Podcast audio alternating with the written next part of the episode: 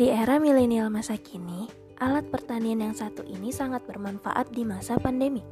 Di sini, kami dari brand beras hitam dan beras merah Dewi menggunakan alat transplanter untuk menanam padi beras hitam Dewi. Tapi, kami pun masih menggunakan bantuan dari para buruh tani untuk tandur.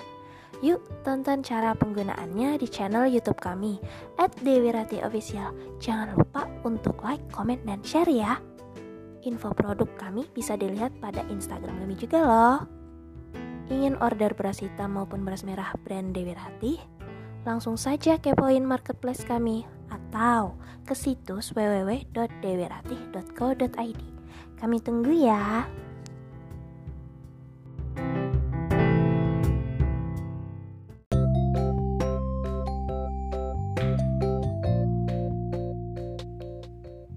Bagian 1. Itu transplanter? Kementerian Pertanian terus berupaya untuk meningkatkan hasil produksi pertanian di Indonesia demi kedaulatan pangan yang ingin dicapai. Satu hal yang dilakukan untuk mendukung adanya peningkatan hasil pertanian adalah pemberian alat dan mesin pertanian atau yang dimaksud dengan alsintan yang memudahkan petani mengolah lahan pertanian mulai dari tahap persiapan lahan, penggarapan lahan, penanaman, panen hingga pasca panen. Mesin transplanter merupakan salah satu alsintan yang dikenalkan oleh Kementerian Pertanian kepada para petani dalam rangka modernisasi pertanian. Dengan menggunakan mesin transplanter, petani membutuhkan tenaga yang lebih sedikit untuk menanam padi.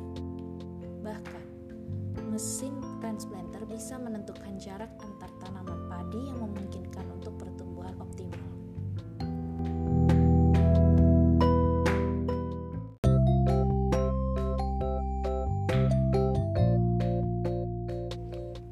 Bagian 2 Kemudahan apa lagi yang bisa Anda dapatkan dengan menggunakan mesin transplanter? Adanya mesin transplanter membantu mengatasi masalah kurangnya buruh tani.